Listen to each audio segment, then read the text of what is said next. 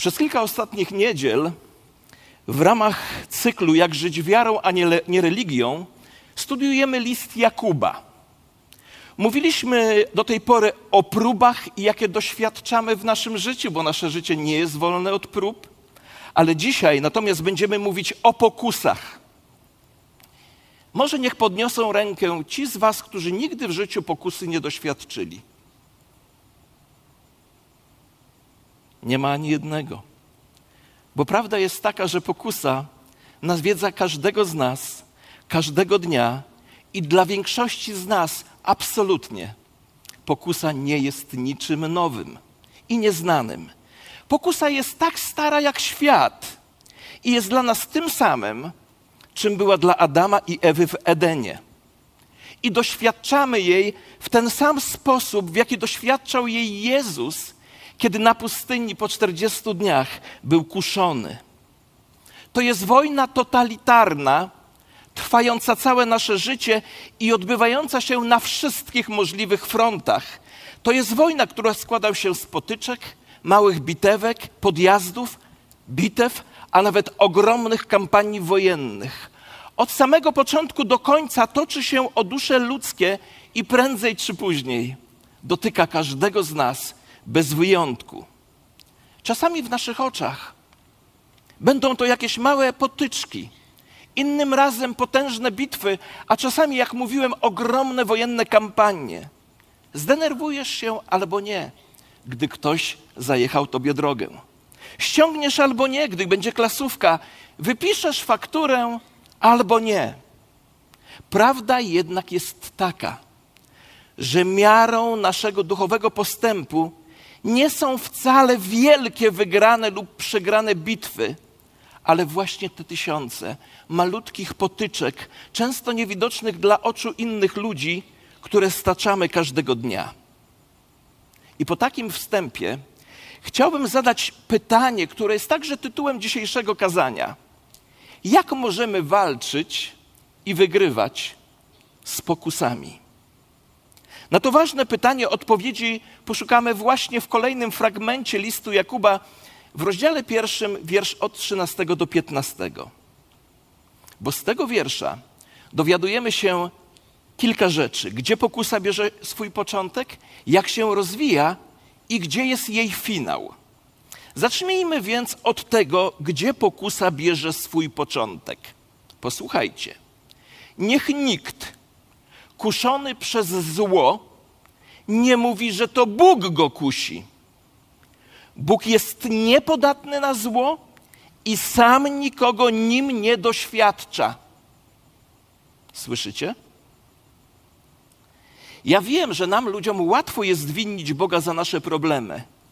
Prawda jest jednak taka, że Bóg nigdy nie był, nie jest i nie będzie źródłem Twoich czy moich pokus. Bóg nie kusi ludzi. On nigdy nie stawia cię w sytuacji, w której musisz zgrzeszyć. Bóg nigdy nie zaprowadzi cię do miejsca, w którym jesteś zmuszony czynić zło.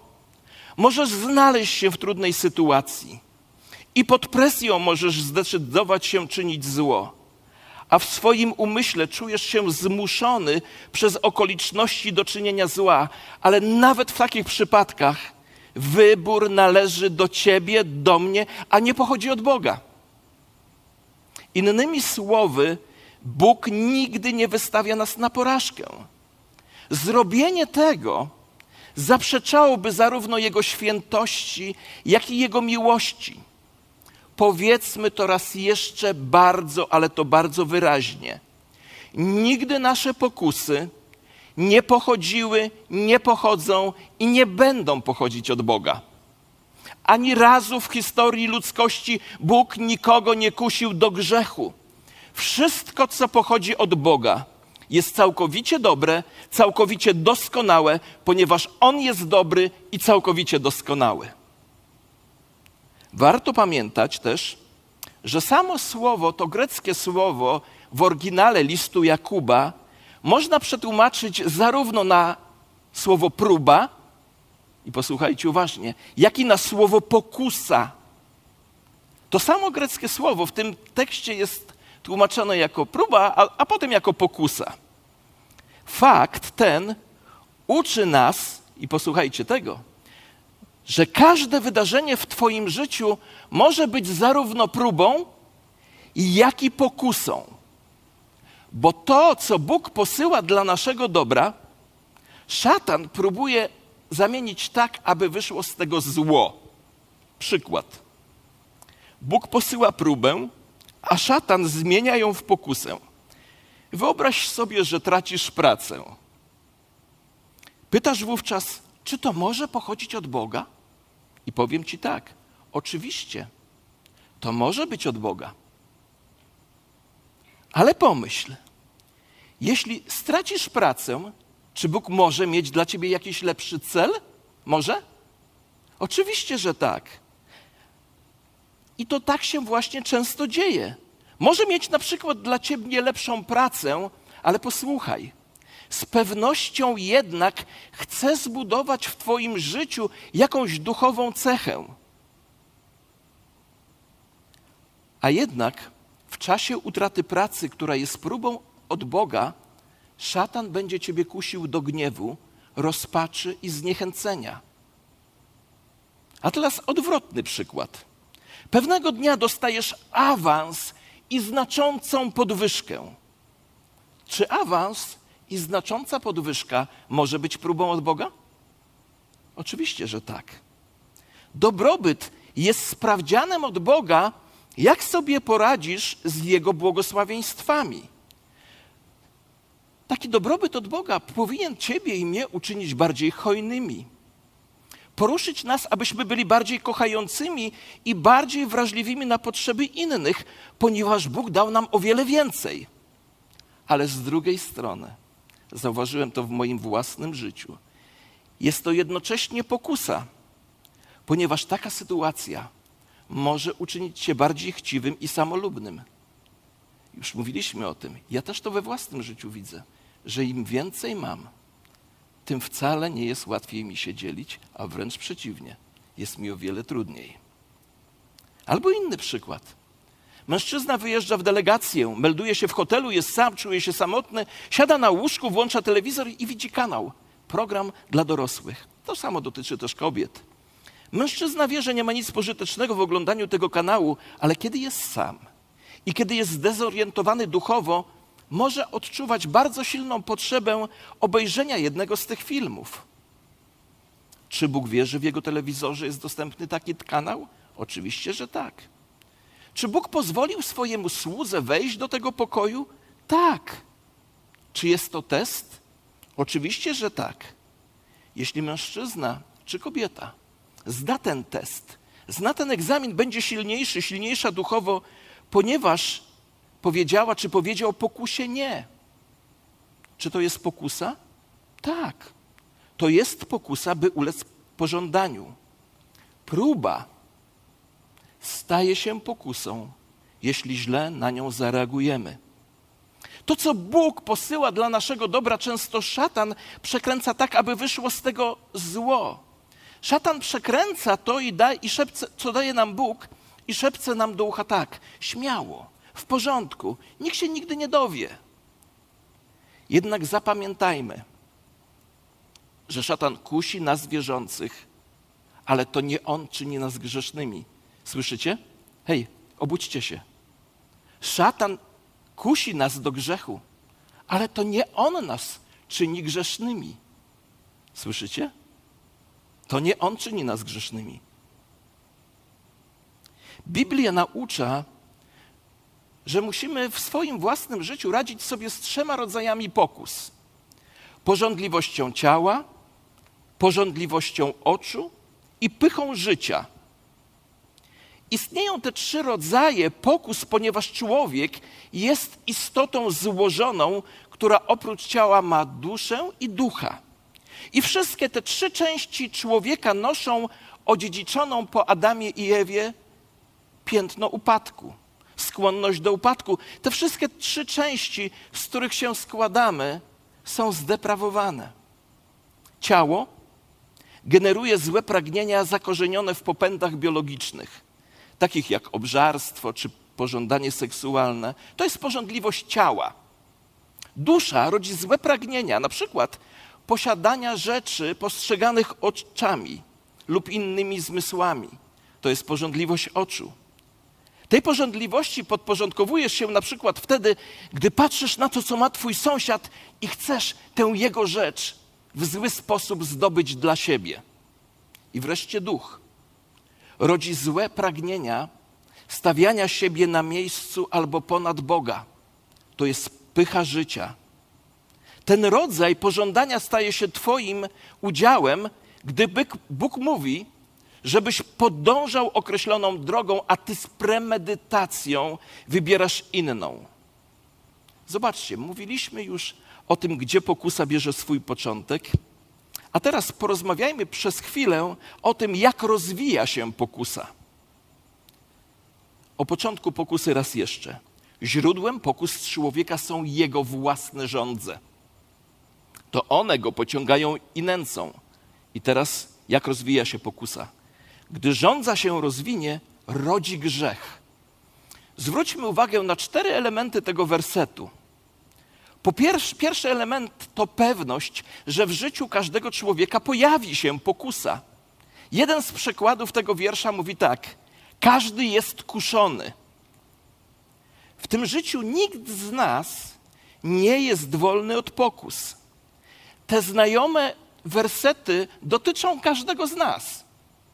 Każdy z nas ma skłonność do opuszczania Boga, którego kochamy. Nikt z nas nie jest wolny od pokus. Po drugie, uczymy się z tego wiersza, że pokusa jest pociągająca. Dwa słowa. Pokusa pociąga i nęci. Pociąga i nęci. I wiecie, Jakub tutaj wykorzystuje obraz rybaka zakładającego przynętę na haczyk. To tak jak owoc wyglądał bardzo dobrze dla Ewy, tak grzech zawsze wydaje się bardzo dobry dla nas. Musi tak być, bo inaczej nikt z nas by nie grzeszył. Na krótką metę zawsze możemy usprawiedliwić utratę panowania nad sobą, kłamstwo, oszustwo, pójście na skróty lub oddanie się swoim fantazjom. Wiecie, użyte tutaj słowo pociąga oznacza zostać odciągniętym. Używano go do opisywania sytuacji, kiedy zwierzyna, czy to ryba podczas łowienia, czy inne zwierzę podczas polowania, została zwabiona, posłuchajcie, ze swojej drogi w kierunku przynęty. Zwabiona ze swojej drogi w kierunku przynęty. Mamy więc obraz zwierzęcia, które zostało odciągnięte od swojej zwykłej ścieżki w kierunku przynęty, o której myśli, że jest mu potrzebna. I podobnie greckie słowo nęci oznacza, oznacza zastawić pułapkę. Mamy więc dwa potężne słowa, które opisują człowieka z jednej strony odciąganego z właściwego kursu i wpadającego w pułapkę grzechu. Dlaczego dajemy się zwabić w, w grzech i wpadamy w jego pułapkę? Właśnie to pokazuje nam ta metafora wędkarska, która, której używa Jakub. Wiem, że niektórzy z Was łowią ryby, ja też miałem taką fazę. Zanim zarzucasz wędkę, co robisz? Zakrywasz haczyk przynętą. Olku, tak? Pewnie, że tak. Po to, żeby ryba zobaczyła, że jest coś, czego potrzebuje bardzo pożywienie a to jest jej naturalna potrzeba. I podążyła za tą przynętą, szukając zaspokojenia naturalnego głodu w niewłaściwy sposób. I tak właśnie działa pokusa, czyli przynęta okrywająca haczyk. Wiecie, co robi przynęta okrywająca haczyk? Oszukuje umysł. A kiedy połyka ryba przynętę, szarpiemy za wędkę, wyciągamy z wody gdzie ona umiera, potem smażymy, żebyśmy mogli zjeść. Przynęta ma dwa zadania. Pierwsze, ukryć haczyk, a drugie, nadać haczykowi najbardziej atrakcyjny wygląd, a wszystko to po to, żeby oszukać nas, nasz umysł i doprowadzić nas w końcu, zaraz dojdziemy do czego. Tak samo jest z grzechem w naszym życiu. Coś zaczyna wyglądać na to, czego potrzebujemy Bo grzech nigdy na początku nie wydaje się niebezpieczny. Pokusa nigdy nie mówi: Nie rób tego, to zhańbi imię Boże, to zrani Twoje świadectwo, to zniszczy Twoją więź z Bogiem. Nie. To raczej brzmi tak: To będzie niezła zabawa. To nie będzie bolało. Nikt się nigdy o tym nie dowie. Po prostu to tylko fantazja. Jesteś tego warta albo warty. A tak naprawdę gdy pokusa oszuka już umysł, to zaraz po tym angażuje nasze emocje. Słyszycie? A zaangażowane emocje uaktywniają naszą wolę, a rezultatem zaktywizowanej woli jest grzech. I po trzecie, coś o pokusie. Pokusa jest zawsze skrojona idealnie do Twojej albo do mojej potrzeby. Czytamy to w wersecie, który brzmi: Jego własne żądze. Prawdą jest to, że to, co kusi ciebie, dla mnie wcale nie musi być pociągające. A to, co mnie nęci, nie musi pociągać ciebie. Pokusa jest skrojona na Twoją i moją miarę. I po czwarte, skutki pokusy. Gdy rządza pocznie, rodzi grzech. Zobaczcie, Jakub używa tutaj metafory poczęcia, narodzin. To już tak jest, że nasze pragnienia poczną czyny, urodzą czyny, a rezultatem urodzonych czynów będzie grzech. Dlatego nie wolno lekceważyć pokusy. Nie możemy bawić się nią ani bawić się z nią, ponieważ pokusa prowadzi do pożądania, które nieuchronnie prowadzi do grzechu w naszym życiu. Mówimy o tym, gdzie pokusa bierze swój początek i jak się rozwija, a teraz bardzo krótko. Gdzie się pokusa kończy? Posłuchajcie. Gdy grzech dojrzeje, rodzi śmierć. Uchwyćmy to. Złe pragnienie rodzi grzech. Grzech natomiast rodzi śmierć. Jakub dwukrotnie używa radosnego obrazu narodzin, aby pokazać nam okropną obrzodliwość skutków grzechu. Nasze złe pragnienia narastają, z czasem zaczynają żyć własnym życiem. Pewnego dnia właśnie te pragnienia rodzą grzech, a grzech raz poczęty w sercu prowadzi bezpośrednio do śmierci, naszej śmierci, śmierci naszych relacji. Wiecie, to wszystko zaczęło się w ogrodzie Eden. Wąż przyszedł do Ewy, aby ją zwieść, aby zjadła owoc. Ewa poczęstowała Adama, a on zjadł kawałek owocu, doskonale sobie zdając sprawę z konsekwencji swojego czynu, bo Bóg mu o tym powiedział. I oto, i oto nagle świat się stał bardzo nieprzyjaznym miejscem. Strach wkroczył do ludzkiego serca. Adam i Ewa dostrzegli swoją nagość, zawstydzili się, a kiedy usłyszeli Boga chodzącego po ogrodzie w powiewie dnia, ukryli się. Grzech zmienia wszystko.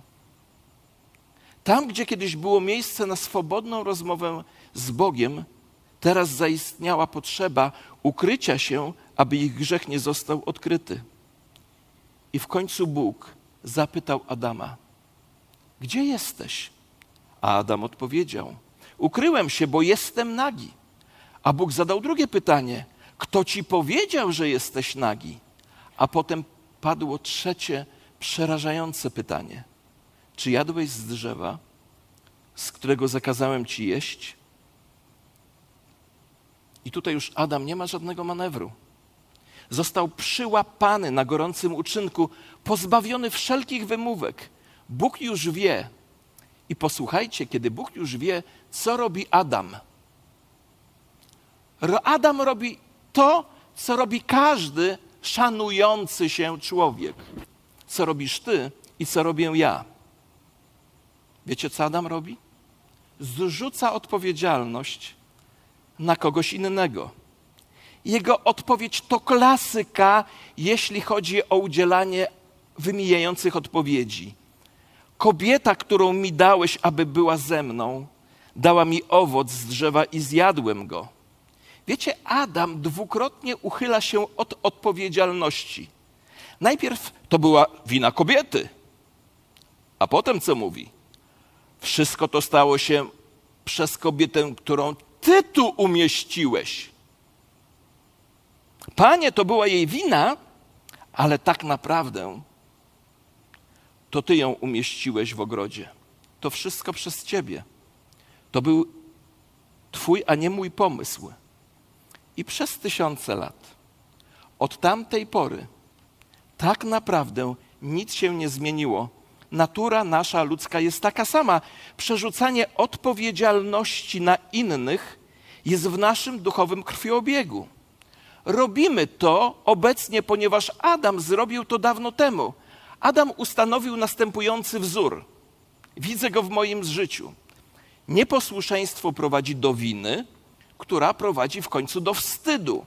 Wstyd w końcu prowadzi do strachu, a strach prowadzi do ukrywania się, a ukrywanie się prowadzi do obwiniania innych. Jako ludzie mamy we krwi zrzucanie odpowiedzialności za swe czyny na innych. Wróćmy raz jeszcze do Księgi Rodzaju, drugi rozdział, siedemnasty wiersz. Zobaczcie, co Bóg powiedział Adamowi. Ale z drzewa poznania dobra i zła nie wolno wam jeść, bo w dniu, w którym z niego zjecie, na pewno umrzecie. Gdybyśmy tak naprawdę nad tym pomyśleli, to wiecie, to wcale nie jest tak bardzo ograniczający Adama i Ewę zakaz. To nie był zakaz bardzo ograniczający, bo tak naprawdę Bóg powiedział tak: rozkoszuj się, jedz z dowolnego drzewa, jedz tyle, ile chcesz, kiedy chcesz i w jakiej pozycji chcesz. To wszystko jest Twoje. Ale pamiętaj o tym. Jest jedno drzewo, którego musisz unikać. Jeśli zjesz owoc z tego drzewa, na pewno umrzesz. I wiecie, ja jestem przekonany, że Adam zgodził się z Bogiem, że byłoby głupotą jeść z jednego zakazanego drzewa, skoro było tak wiele innych dostępnych dla niego. Byłoby głupotą, zgodzicie się? Masz dziesięć drzew. Bóg mówi, jedz z dziewięciu, a z jednego nie jedz, bo umrzesz. I znamy zakończenie tej historii. Przyszedł wąż, skusił Ewę, została zwiedziona, zjadła, dała owoc Adamowi, on też zjadł i tak bunt stał się sposobem życia dla rodzaju ludzkiego. Powiem przykład współczesny, z którym wielu się nie zgadza. Dziesięcina. Gdy dostajesz środki pieniężne, dostajesz ich 100%, Bóg mówi 90% jedz, konsumuj. Ale z tych 10% nie będziesz konsumował. Ale dziesięcina, Panie Boże, to Stary Testament. No to Bóg mówi, skoro uważasz, że dziesięcina to Stary Testament, to będę z Tobą w każdym czasie, też jest Stary Testament. Będę Ci błogosławił, to też jest Stary Testament. Leczy wszystkie Twoje choroby, to też Stary Testament. Wiecie, dlaczego to mówią? Bo my lubimy Boże odpowiedzialności względem nas ze Starego Testamentu, Boże błogosławieństwa dla nas ze Starego Testamentu, mówimy na mnie tak i amen. Bóg musi to zrobić. Bóg to obiecał, Bóg się do tego zobowiązał. Ale gdy czytamy w Starym Testamencie to, coś, co, czego Bóg od nas oczekuje, to jest Stary Testament. Jeszcze używamy takiego starego słowa zakon, czyli dla prawo mi nie obowiązuje. To jest dokładnie ten sam przykład. Dla mnie, bo możemy się z tym nie zgadzać. Dostajesz 100%. Bóg mówi, jedz 90, ale te 10 jest moje. I Bóg nawet powiedział, kiedy masz to oddać i gdzie masz to oddać. To my jeszcze kombinujemy. Nawet już jak wierzymy, że 10, to mówimy sobie 5 tu, 3 tu, 2 tu, bo chcemy tym dysponować. A Bóg powiedział nie. 10 w pierwszej kolejności, gdy dostaniesz 100, w pierwszej bo jak nie zrobisz to w pierwszej, będziesz za chwilę miał pokusę do tego, że ci niby zabraknie i będziesz musiał tego użyć. Więc mówi, pierwsze, w pierwszej kolejności, gdy dostajesz środki, dziesięć. I gdzie? Do spichlerza, czyli do kościoła, w którym się karmisz. Ja tak to rozumiem i tak to praktykuję. Ale my zawsze mamy tendencję do konsumpcji, tak jak Adam i Ewa. Mieli tyle drzew, ale nas zawsze korci ten jeden i potem po konsumpcji mówimy, Dlaczego nie mam błogosławieństwa finansowego? Dlaczego nie mam błogosławieństwa w tej dziedzinie? Dlaczego? I zadajemy pytania. Od tego czasu, od czasu Adama i Ewy, my rodzimy się z tęsknotą za zakazanym owocem. Urodziliśmy się z pragnieniem owocu, który prowadzi do śmierci. Zjadamy go raz i drugi i wydaje się, że nigdy nie mamy tego dosyć. I dlatego świat jest taki pokręcony. Domagaliśmy się wolności, a kiedy ją otrzymaliśmy, ona nas zabiła. Grzech zabija. To właśnie miał na myśli Jakub, mówiąc, że grzech rodzi śmierć. Grzech nas zabija. Grzech zabija każdy związek międzyludzki. Grzech zabija naszą więź z Bogiem. Kiedy grzech dojrzeje, rodzi potwora śmierci. Nie ma w tym nic pięknego. W grzechu nie ma nic pięknego. Wszyscy bylibyśmy o wiele lepszej sytuacji, gdybyśmy zatrzymali się i zastanowili nad skutkami wyboru naszych złych pragnień. To zaczyna się jako przemijająca fantazja. Staje się utrwalonym pragnieniem. Utrwalone pragnienie staje się obezwładniającym impulsem, który prowadzi nas do niemądrych działań. Mądre działania skutkują tragedią, zrujnowanym życiem, krzywdzeniem dzieci, zrujnowanymi karierami, zmiażdżonymi małżeństwami, ale najgorsze jest to, że zostajemy oddzieleni od Boga, który nas stworzył, który nas kocha. Stajemy się tak naprawdę zgubieni i możemy winić tylko siebie. Już ląduję. Podsumujmy. Po pierwsze, Bóg jest dobrym Bogiem który nie może być, który nie może być odpowiedzialny za nasze pokusy. Po drugie, nasze pragnienia są zawsze źródłem naszych pokus.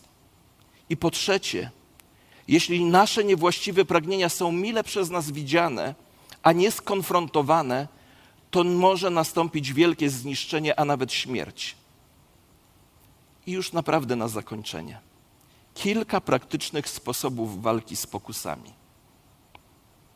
Jeśli problemem są złe pragnienia, to nasze pragnienia muszą zostać zmienione i trzeba z tymi złymi pragnieniami walczyć. Jak można to zrobić? Po pierwsze, ucz się i poznawaj siebie. Czasami dobrze jest przyjrzeć się samemu sobie w lustrze i to długo. Musimy wiedzieć, z jakimi niewłaściwymi pragnieniami, problemami i sytuacjami, które mają miejsce w naszym życiu lub osobami, jak te sytuacje, jakie sytuacje powodują, że ulegam pokusie. Studiuj i poznaj dobrze siebie. Poproś Boga, aby ci to ujawnił. Król Dawid się modlił: Badaj mnie, Boże, poznaj moje serce, doświadcz, poznaj moje rozterki, zobacz, czy nie ma we mnie czegoś, co cię rani i prowadź mnie drogą wypróbowaną. Po drugie, unikaj kuszących sytuacji. Trzymaj się z daleka od sytuacji, które powodują, że grzeszysz przeciwko Bogu i popadasz w pokusy jak to ktoś powiedział, nie parkuj świeżo umytego samochodu pod drzewie, na którym siedzą ptaki. Lub czytając apostoła Pawła, uciekaj od wszeteczeństwa, uciekaj. W Starym Testamencie czytamy, czy może ktoś wziąć ogień w zanadrze do kieszeni, a jego szaty się nie spalą? Czy może ktoś chodzić po rozżarzonych węglach, a się nie poparzy? Po trzecie, poddaj się Chrystusowi. Kiedy zostajemy zbawieni, czyniąc Jezusa, Jezusa naszym Zbawicielem i Panem, to Jezus, jako nasz Zbawiciel, ocala nas od śmierci, piekła i grobu. Ale On także jest naszym Panem, ponieważ przejmuje kontrolę. Ale jest pewna rzecz, która czasami nas dopada. W naszym sercu są obszary, które jeszcze nie poddaliśmy Chrystusowi. Musimy więc podporządkować się Jego przywództwu, Jego woli i pozwolić Mu przejąć kontrolę nad wszystkimi obszarami naszego serca, łącznie z naszymi pragnieniami. Apostoł Paweł opisuje to tak. Zniewalamy wszelką myśl do posłuszeństwa Chrystusowi. I ostatni punkt. Swoje spełnienie szukaj w Bogu. Pragnienia dążą do zaspokojenia Skoro więc problemem są złe pragnienia, to nasze pragnienia muszą się zmienić. Jak to zrobić? Szukając spełnienia i satysfakcji w Bogu. Jeśli nie wierzysz, że Bóg Cię może zadowolić, to posłuchaj króla Dawida, który mówił tak: Skosztujcie i zobaczcie, jak dobry jest Pan, błogosławiony człowiek, któremu ufa. Podobnie Dawid mówi: Rozkoszuj się Panem, a On ci da, czego pragnie Twoje serce. Nie uprawiaj pieszczoty z grzechem. Dotyczy to w równy sposób pokusy seksualnej, jak też goryczy, zazdrości, złości, plotkowania, chciwości, przemocy. Wiecie, kaznodzieja, który od lat mnie inspiruje, porównał człowieka do słoika wypełnionego błotem. Wyobraź sobie, że masz duży słoik pełen błotnistej wody, którą chcesz zamienić w czystą wodę. Wiecie, jaki jest najszybszy sposób, żeby to zrobić? Trzeba wziąć wąż ogrodowy, podłączyć go do źródła czystej wody, następnie wąż umieścić w słoiku i włączyć wodę. Napływająca czysta woda wypłucze mętną wodę i jeśli wąż ogrodowy pozostanie w słoiku wystarczająco długo, to mętna woda zostanie ostatecznie wyparta przez czystą. Kochani, kiedy przychodzimy do Chrystusa, wszyscy jesteśmy jak dzban z błotnistą wodą.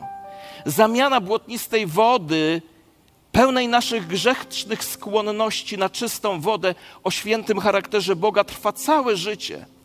To jest odpowiedź na naszą zakorzenioną gorycz, pożądanie, chciwość, nienawiść, zazdrość, niecierpliwość, nieuczciwość i niewierność. Dlatego módlmy się tak. Niech miłość Twoja, Panie, wejdzie we mnie i przepędzi mój gniew.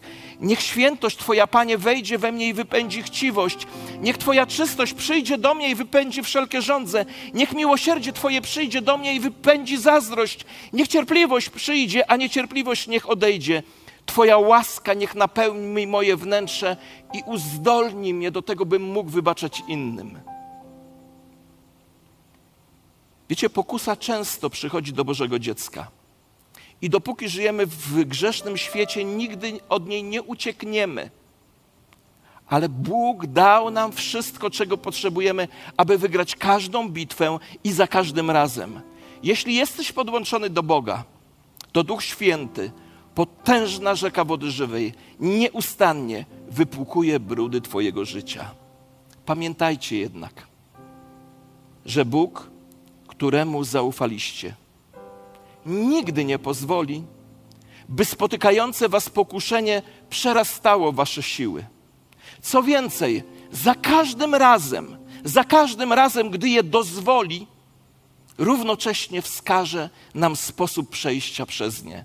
Tak, byśmy mogli wytrwać w Chrystusie, a lud Boży powinien powiedzieć Amen. I Panie, dzisiaj, gdy posyłasz to słowo, niech ono się w nas zakorzeni ku Twojej chwale, a naszemu życiowemu zwycięstwu. Amen. Powstańmy proszę i zakończymy nabożeństwo jedną pieśnią.